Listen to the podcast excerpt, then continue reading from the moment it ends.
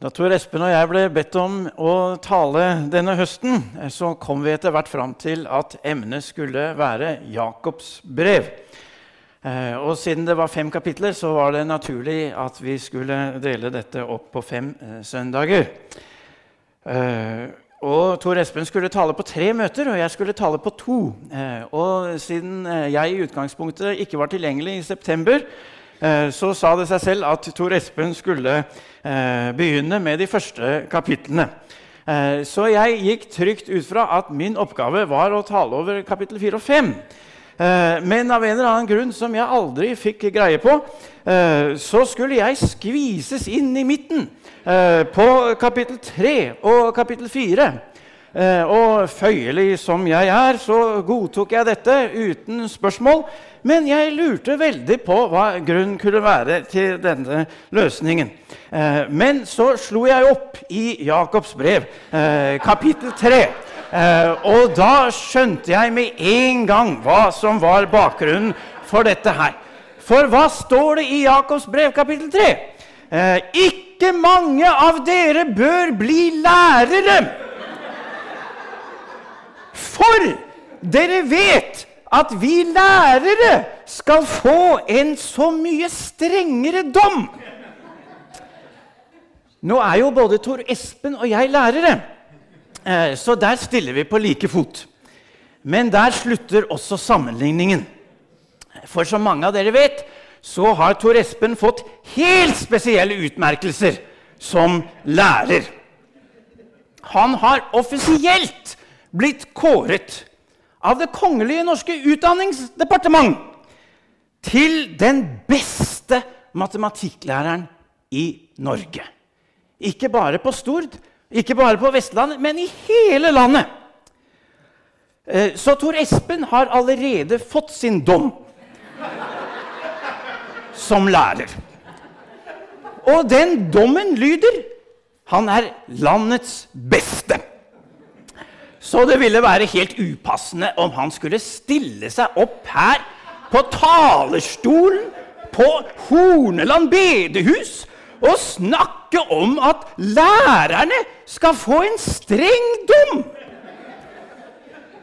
Det ville være direkte ubeskjedent. Og som rogalendinger flest så er Tor Espen en svært beskjeden mann. Så han kunne ikke tale over teksten for i dag. Nå handler teksten riktignok ikke så mye om lærerne. Den handler like mye om oss alle. Men grunnen til at lærerne blir trukket fram, det er nok at vi lærere vi snakker hele tiden. Eh, og det å snakke, det er en risikosport. Det er det Jakob vil fortelle oss. Så vi skal lese de seks første versene til å begynne med. Ikke mange av dere bør bli lærere, mine søsken, for dere vet at vi lærere skal få en mye strengere dom. Alle snubler vi ofte. Den som ikke snubler og feiler med det han sier, er fullkommen og i stand til å holde hele kroppen i tømme.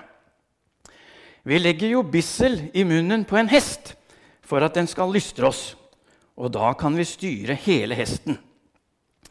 Ja, selv store skip som drives av sterke vinder, kan med et lite ror styres dit styrmannen vil. Slik er det også med tungen.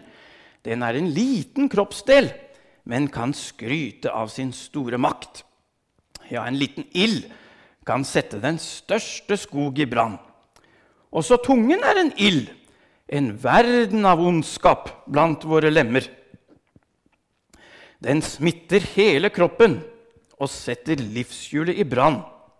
Og selv blir den satt i brann av helvete. På engelsk så har vi et uttrykk som heter uh, 'Sticks and stones will break my bones, but words will never hurt me'. Kjepp og stein kan brekke mine bein, men ord kan aldri skade meg. Det er vel knapt noe som kan være lenger fra sannheten. De som opplever å bli mobbet på skolen, vil ganske snart glemme hvor vondt det gjorde å bli slått eller sparket. Men de stygge tingene som de blir kalt, det skaper sår som aldri blir borte. Da jeg begynte på ungdomsskolen, så varte det ikke lenge før det var noen som hadde funnet et kallenavn for meg. Jeg var en skolepugger. Det som jeg var stolt av, det at jeg var flink på skolen, det var det altså noen som ville få meg til å skamme meg over. Mer enn 40 år senere så husker jeg det som om det var i går. Tankeløs tale stikker som sverd, står det i ordspråkene 12,8. Ja, det gjør faktisk det. Tankeløs tale stikker som sverd. Men ordspråket fortsetter på denne måten. Men vismenn har legedom på tungen. Er ikke det et vidunderlig vakkert bilde? Den som er opplært i Guds visdom, den har legedom på tungen. Vi kjenner alle uttrykket 'en giftig tunge', og vi vet hva det går ut på. Men med den som er vis, er det akkurat motsatt. Den vise har legedom på tungen. Det de sier, er som medisin. Det gir legedom. Dette ordspråket minner meg om rektoren jeg hadde da jeg gikk på videregående skole.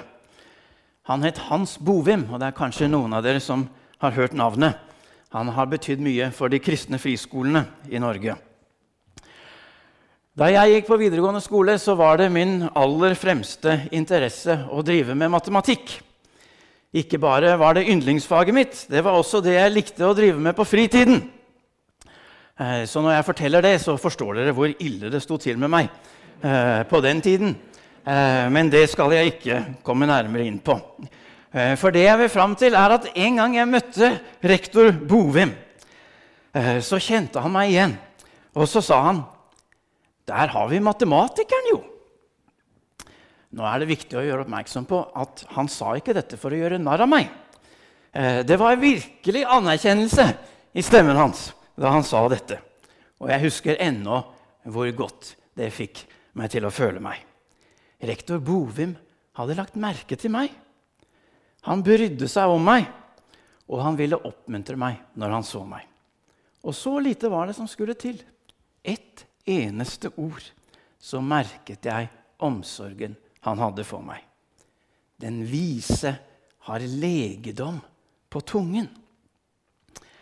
Jeg skulle så gjerne være en sånn person. En person som har legedom på tungen. En person som får andre til å føle seg bedre gjennom det jeg har å si. For det er så veldig enkelt å gjøre det motsatte. Det er så veldig enkelt å bruke ord til å bryte ned, til å såre og skade. Derfor er det ikke for ingenting at Jakob sammenligner tungen med et lite bissel som vi legger i munnen på en hest. Bissel er bare en bitte liten ting, men det kan styre en stor hest. Ja, selv store skip, fortsetter Jakob, som drives av sterke vinder, kan styres med et lite ror dit styrmannen vil. Sammenlignet med et stort skip er roret bare en liten og unnselig ting. Men med denne lille tingen kan styrmannen sørge for at skipet går akkurat dit han vil. Og det er noe sånt tungen også er, forklarer Jakob. Den er som en liten ild, noen små glør, som blir igjen etter at man har prøvd å slukke et bål i skogen. Det kan flamme opp og forårsake at hele skogen brenner ned. Selv om den er et bitte lite lem, så kan tungen gjøre stor skade. For det er på sett og vis tungen som styrer hele kroppen. Og det tungen gjør, det er det vi som gjør. Og det tungen gjør, har konsekvenser som det kan være vanskelig å overskue. Konsekvenser som går langt utover oss selv. Eh, derfor fortsetter eh, Jakob eh, i de neste versene, som vi skal lese nå. Alt i naturen, både ville dyr og fugler, krypdyr og fisk, kan temmes og er blitt temmet av mennesket, som selv er en del av naturen. Men tungen makter ikke noe menneske å temme, skiftende og ond som den er, full av dødbringende gift. Med den lovpriser vi vår Herre og Far, og med den forbanner vi menneskene som er skapt i Guds bilde. Fra samme munn kommer det både lovprisning og forbannelse. Slik må det ikke være, mine søsken. Strømmer det vel friskt og bittert vann fra samme kilde? Mine søsken, kan vel et fikentre bære oliven, eller en vinstokk bære fiken? Like lite kan en salt kilde gi friskt vann. Ikke bare er tungen som en ild, altså. Den er også verre enn de verste villdyr. For den er det intet menneske som er i stand til å temme. Den er nemlig helt ustyrlig. For den samme munnen er i stand til både å velsigne og forbanne. Og det er denne dobbeltheten som Jakob er så opptatt av. Han vil at vi skal være hele i vår ferd, og ikke vakle fra den ene siden til den andre. Helt fra begynnelsen av brevet er Jakob opptatt av å understreke hvor viktig det er å være helhjertet i vår tro på Gud. Om noen blant dere mangler visdom, sier han, skal han be til Gud, som villig og uten å bebreide gir til alle. Og han skal få. Men han må be i tro, uten å tvile. For den som tviler, ligner en bølge på havet som drives og kastes hit og dit av vinden. Ikke må et slikt menneske vente å få noe av Herren, splittet som han er, ustø i all sin ferd. Som Tor Espen var inne på da han talte over dette kapitlet, så handler ikke dette om det som vi gjerne tenker på når vi bruker ordet tvil, eh, nemlig at vi ikke er helt sikre, men vi lurer på om vi kanskje har tatt feil. Tvil, sånn som det er brukt her, Eh, det handler om å være det vi med et gammeldags ord kunne kalle tvesinnet. Eller som eh, Jakob sier, en ligner en bølge på havet. Som drives og kastes hit og dit av vinden. Eller hvis en forelsker seg i to personer på en gang, og så ikke klarer å bestemme seg for hvilken en vil ha. Når det gjelder vårt forhold til Gud, kan en sånn tvetydighet vise seg på mange måter. Det kan vise seg ved at en sier at en har tro på Gud, men hele livet vitner om noe annet. Et av eksemplene som Jakob viser til, det handler om at det er noen i menigheten hans som ikke vil ta seg av de fattige. Hvordan kan det gå an å være et Guds barn og en Jesu etterfølger hvis en ikke vil ta seg av de fattige? Det er jo nettopp det Gud driver med. Han som støtter herskere ned fra tronen. Men de små opphøyet han. Han mettet de sultne med gode gaver, men sendte de rike tomhendte fra seg. Slik er det Maria synger i lovsangen eh, som hun sang etter at hun hadde fått eh, bud om at hun skulle føde Guds sønn. Å tro på Gud uten å ville ta seg av de fattige, det er som å si at en er Liverpool-supporter uten å være interessert i fotball. Når en tror på Gud, så viser det seg i livet en lever, og i gjerningene som en gjør, forklarer Jakob. Og de gjerningene som kanskje har de største konsekvensene, det er de gjerningene vi gjør med munnen. Derfor er det ekstra viktig at vi ikke er preget av falskhet og dobbelthet i det vi sier.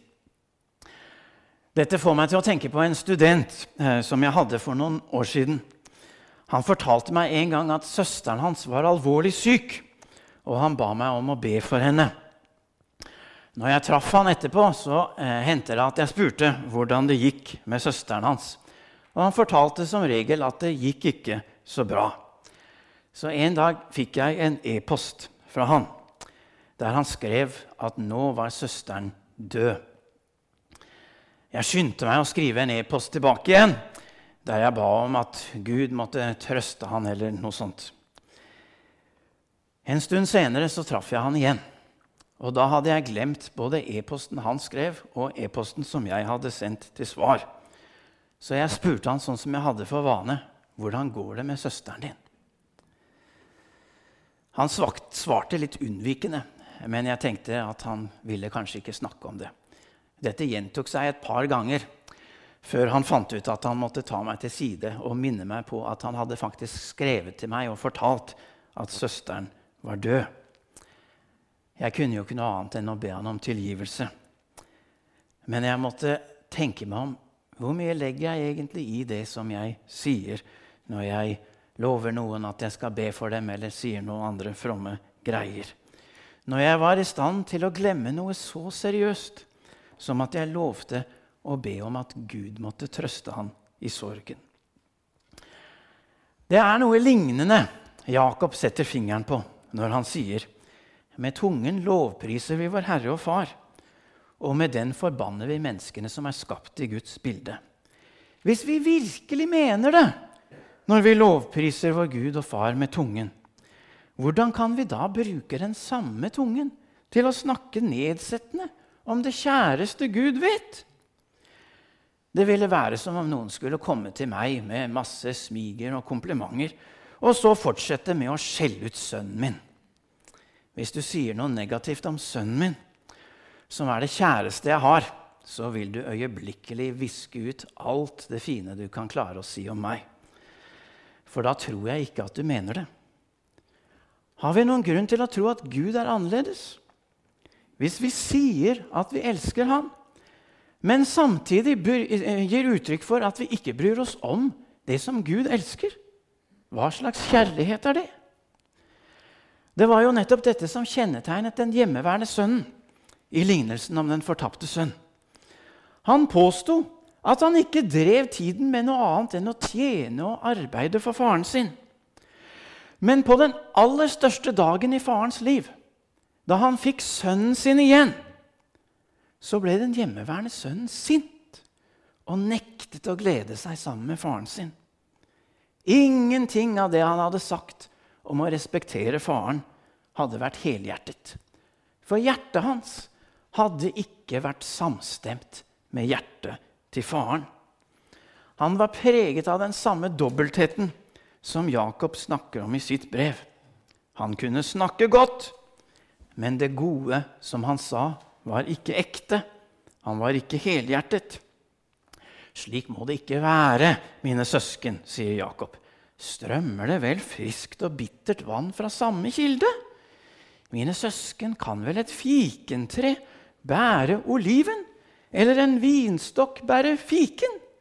Like lite kan en salt kilde gi friskt vann. Tungen vår er så ustyrlig at Jakob sier Tungen makter ikke noe menneske å temme, skiftende og ond som den er, full av dødbringende gift. Det er kanskje ord av denne typen som gjør at vi ikke hører så mange prekener over Jakobs brev. For her later det ikke til at det er mye håp å spore. Og mange føler nok at Jakob er den mest loviske boken i hele Bibelen. Her er det harde bud og enda hardere fordømmelse. Hva mener så Jakob at vi skal gjøre med denne tungen, som er så tøylesløs og giftig? Det sier han ikke så mye om. Vi hører ikke at vi må skjerpe oss, at vi må ta oss sammen, og at vi må prøve enda hardere.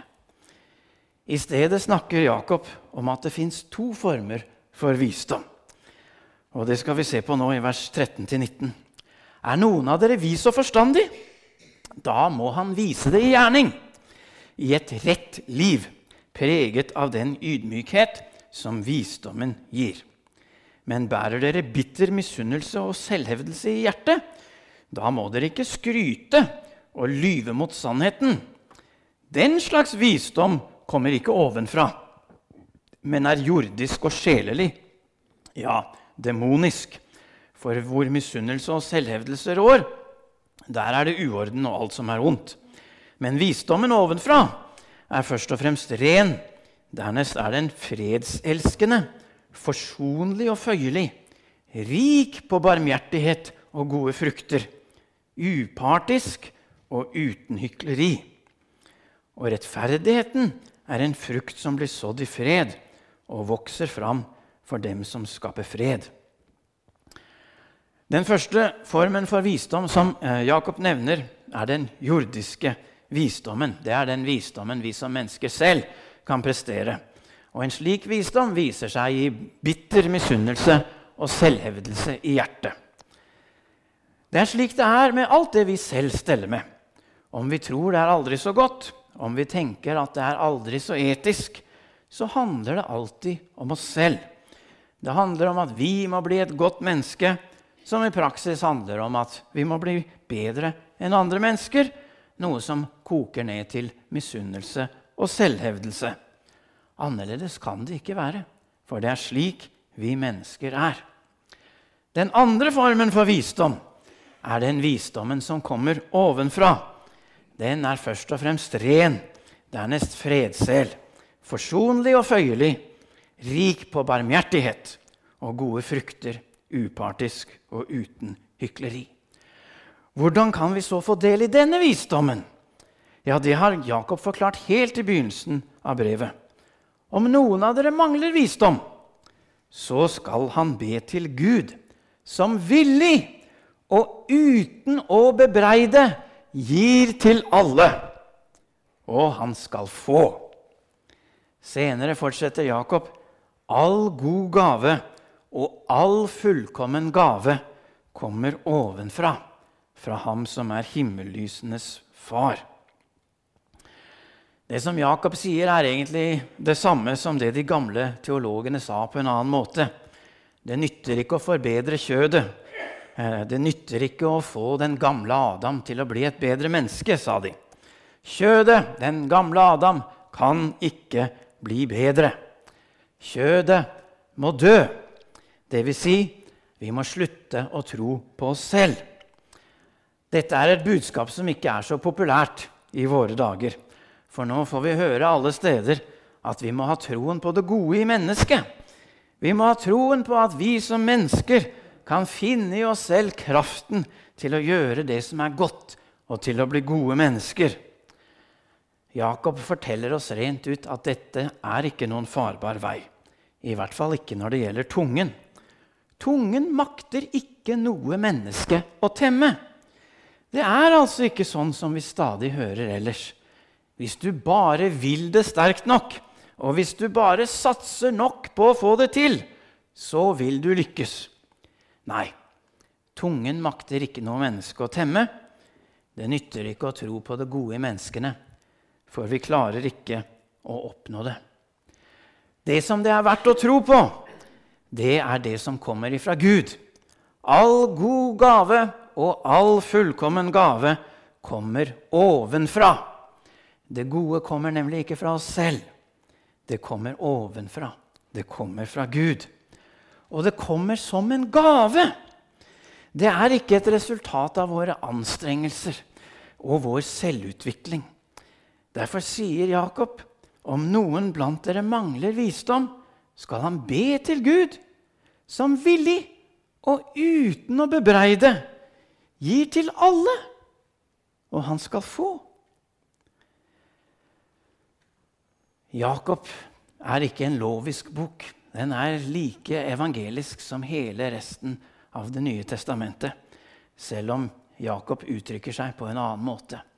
For det alt sammen koker ned til i Jakobs bok, det er at det gode kommer som en gave fra Gud. Det kommer ikke ved noe vi kan gjøre selv, men det kommer ovenfra. Eh, og vi får tilgang til det ved å be til Gud, Han som gir villig og uten å bebreide.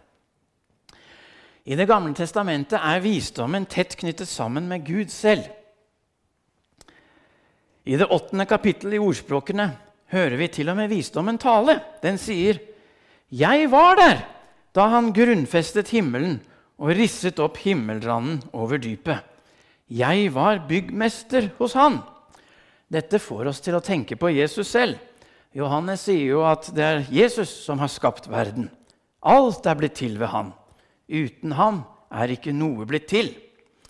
Og når Jakob omtaler visdommen som at den er først og fremst ren, dernest er den fredselskende, forsonlig og føyelig, rik på barmhjertighet og gode frukter, upartisk og uten hykleri, da er det også nærliggende å tenke på Jesus.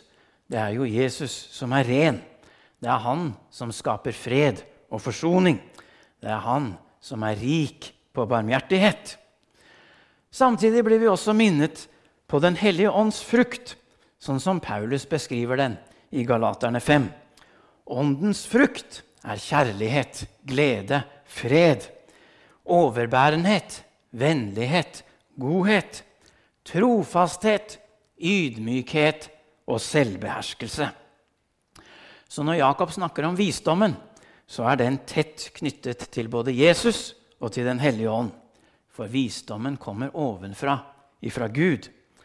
Kanskje kan vi si at visdommen er Jesu innflytelse i våre liv gjennom Hans hellige ånd. Det eneste som kan virkelig skape forandring hos oss, det er visdommen som kommer ovenfra.